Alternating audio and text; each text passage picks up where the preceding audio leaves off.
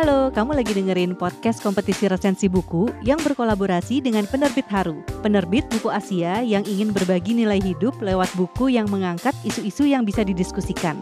Kamu bisa temui penerbit Haru di Instagram @penerbitharu. Kompetisi podcast resensi buku ini juga berkolaborasi dengan penerbit baca, Sira Media, dan Goshen Suara Indonesia. Lalu didukung oleh Podcast Main Mata dan Potluck Podcast Kolektif. Di episode ini, kamu akan dengerin resensi dari teman-teman yang berpartisipasi di kompetisi. Selamat mendengarkan!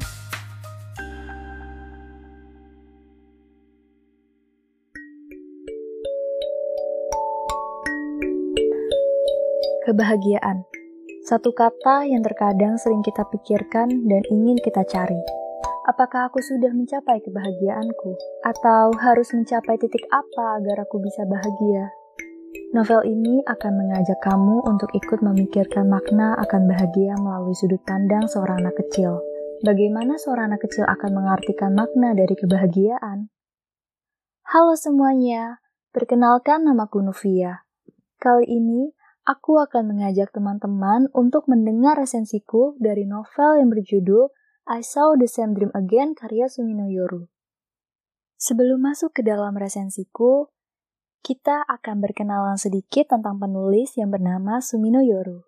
Jadi, kalau ada yang belum tahu Sumino Sensei, beliau merupakan penulis novel dari Jepang dan tiga karyanya juga sudah diterjemahkan ke dalam bahasa Indonesia oleh penerbit Haru. Yang pertama itu I Want to Eat Pancreas, kedua I Saw the Same Dream Again, dan ketiga Blue Painful and Bridal. Novel I Saw the Same Dream Again yang akan aku jadikan resensi ini diterbitkan pertama kali di Jepang pada tahun 2016 dan novel terjemahannya diterbitkan di Indonesia pada tahun 2018.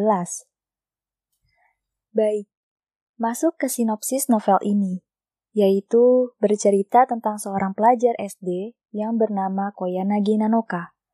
Ia menganggap kalau dirinya sangatlah pintar, karena alasannya adalah Nanoka sangat senang membaca buku. Ia pikir bahwa dirinya memiliki pengetahuan lebih banyak dibanding teman-teman sebayanya. Sampai akhirnya, Nanoka mendapatkan tugas untuk mencari makna dari kebahagiaan. Dalam mencari makna tersebut, Nanoka akan bertemu dengan tiga orang misterius yang akan membantu dia. Ketiga orang tersebut memiliki umur yang berbeda-beda, yaitu seorang pelajar SMA yang selalu terlihat murung dan suka menyayat nadinya, seorang perempuan yang terjebak dengan dunianya, dan seorang nenek yang memiliki kehidupan sangat damai. Aku disclaimer untuk novel ini akan ada sedikit cerita mengenai self-harm dari tokoh yang sudah aku sebutkan sebelumnya. Awalnya, kenapa aku tertarik dengan novel ini? Karena aku udah sempat baca novel Sumino Sensei pertama kali diterjemahkan ke dalam bahasa Indonesia – yaitu I Want to Eat Pancreas dan suka dengan novel tersebut. Sehingga aku penasaran dengan novel Sumino Sensei yang ini. Dan kedua, saat aku membaca sinopsisnya, aku merasa bahwa novel ini akan ada sedikit berbeda dengan sebelumnya. Dan makin tertarik lagi karena yang akan diangkat di novel ini yaitu tentang sebuah mencari makna kebahagiaan dengan sudut pandang seorang anak SD. Kalau kita pikir, apa sih makna kebahagiaan untuk anak seumuran itu? Yang mana kita pasti tahu mereka masih polos dan masih dikelilingi hal-hal yang mudah membuat mereka bahagia. Simple sebenarnya.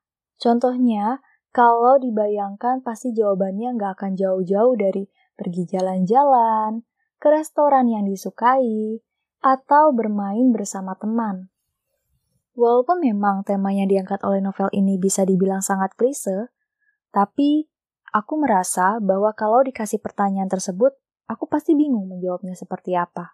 Sehingga ini mengantarkan rasa penasaranku bagaimana Sumino Sensei akan menyampaikan makna kebahagiaan terhadap pembaca dengan memakai sudut pandang seorang anak kecil. Siapa aja sih tokoh yang ada di novel ini? Tentu saja yang pertama, sang protagonis, Koya Nagi Nanoka. Ia merupakan anak SD yang sering menghabiskan waktunya dengan membaca. Bisa dibilang, dia juga tidak memiliki banyak teman. Tidak ada yang mau berteman dengannya. karena merasa Nanoka ini pintar. Hanya saja ada teman sekolahnya yang sering diajak mengobrol, yaitu Ogiwara. Karena Ogiwara juga suka dengan buku, dan teman sebangkunya Kiryu. Nanoka merupakan tipe anak yang sangat kritis. Ada juga karakter lainnya seperti Minami. Nanoka bertemu pertama kali dengannya di sebuah rumah kosong. Sifat Minami ini sangat ketus. Walaupun dia merasa terganggu dengan kedatangannya Nanoka, Minami tetap mau mengobrol dengannya. Selanjutnya ada Abazure-sang. Di novel ini digambarkan bahwa Abazure ini seorang perempuan cantik Abazure juga sangat senang saat Nanoka datang ke rumahnya. Ia senang menyediakan cemilan-cemilan manis dan mengobrol bersama. Dan ada nenek. Di antara semua karakter, nenek ini yang sangat bijak. Bahkan tergambar di novel ini bahwa nenek merupakan orang yang memiliki hidup yang damai. Nenek pintar sekali memasak kue-kue dan juga nenek menjadi teman Nanoka dalam membahas buku. Ada juga Kiryu yang tadi sudah aku sebutkan. Karakter Kiryu ini juga penting di sini. Seorang pemalu dan suka melukis. Keempat tokoh tambahan ini yang nantinya akan berperan penting terhadap Nanoka dalam mencari makna kebahagiaan. Aku suka penggambaran karakter Nanoka di novel ini. Walaupun dia terkadang merasa lebih pintar dari teman lainnya, tetapi Nanoka dengan sangat berani tidak takut menghadapi anak nakal untuk membela seseorang yang ditindas. Dan sebagaimana umurnya, Nanoka masih memiliki kepolosan. Dia tetap mau belajar akan hal baru. Dia pun masih mau mendengar perkataan atau nasihat orang dewasa. Belum lagi, kita akan menemukan celetukan-celetukan Nanoka yang mengartikan arti hidup seperti Hidup itu seperti es serut, Meski ada banyak rasa yang kita suka, kita tidak bisa memakan semuanya. Karena nanti akan sakit perut. Atau hidup seperti puding. Padahal bagian yang manisnya saja sudah nikmat. Tapi ada orang yang bersyukur akan rasa pahitnya. Puding di Jepang itu memiliki dua lapisan. Lapisan pertama campuran telur dan susu, dan saus karamel atau gula yang dipanaskan di bagian bawahnya dan rasa saus karamelnya ini yang pahit.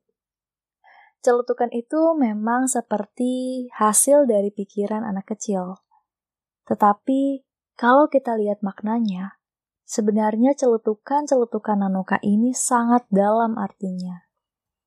Novel ini akan menggiring kita selain mencari sebuah makna dari kebahagiaan, ingin juga menunjukkan makna untuk hidup.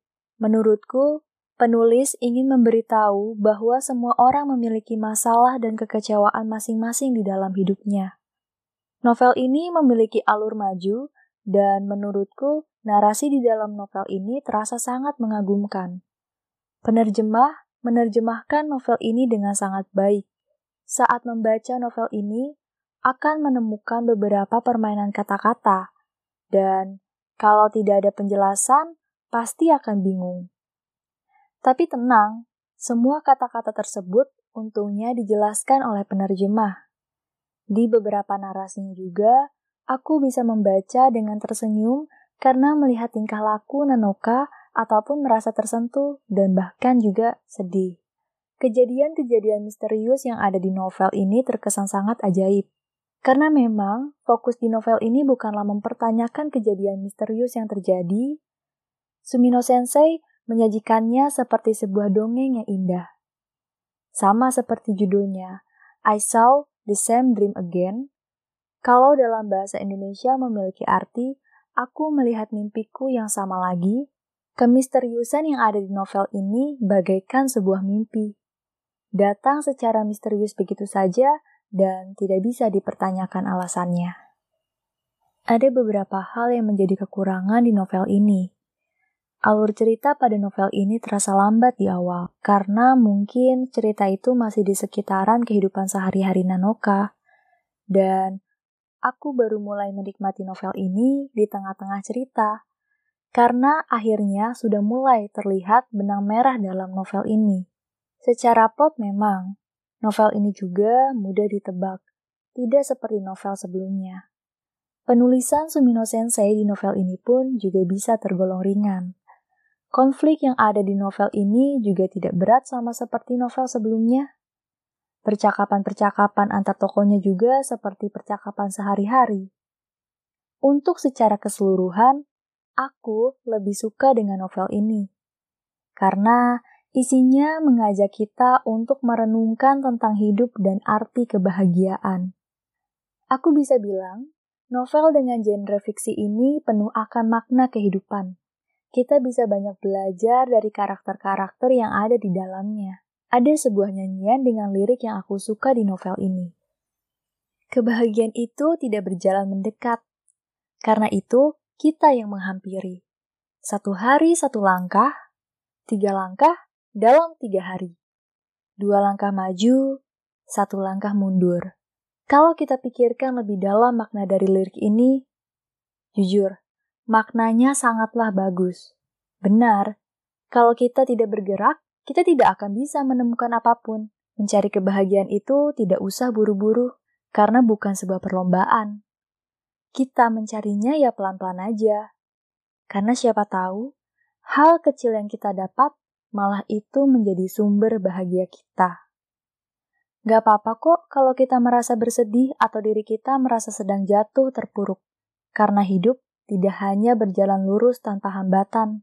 Kita nggak tahu di perjalanan akan menemukan sesuatu. Bahkan mungkin tanpa sengaja kita tergelincir. Yang terpenting adalah kita bangun kembali dan terus bergerak maju.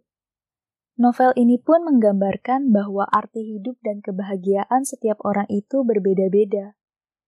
Sekecil apa pun kebahagiaan, selama diri kita sendiri merasa bahagia, itulah arti bahagia sesungguhnya untuk kita.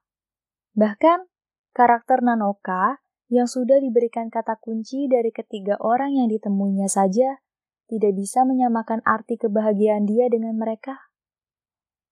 Rasanya, setelah membaca novel I Saw the Same Dream Again, aku ingin lebih menghargai hidupku daripada hanya terus memikirkan suatu kebahagiaan apa yang ingin aku capai, aku pun merasa bahwa aku hanya perlu satu, yaitu setiap hari aku ingin selalu bersyukur atas apa yang sudah aku jalani.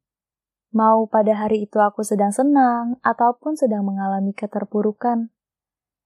Dengan rasa bersyukur, aku lebih bisa memaknai diriku. Perjalanan Nanoka untuk menemukan arti kebahagiaan di novel ini tergambarkan dengan baik. Dan aku sangat merekomendasikan novel ini untuk dibaca karena tergolong bacaan yang ringan dan bisa dibaca saat santai atau di saat ingin melepaskan penat setelah menjalani hari yang melelahkan.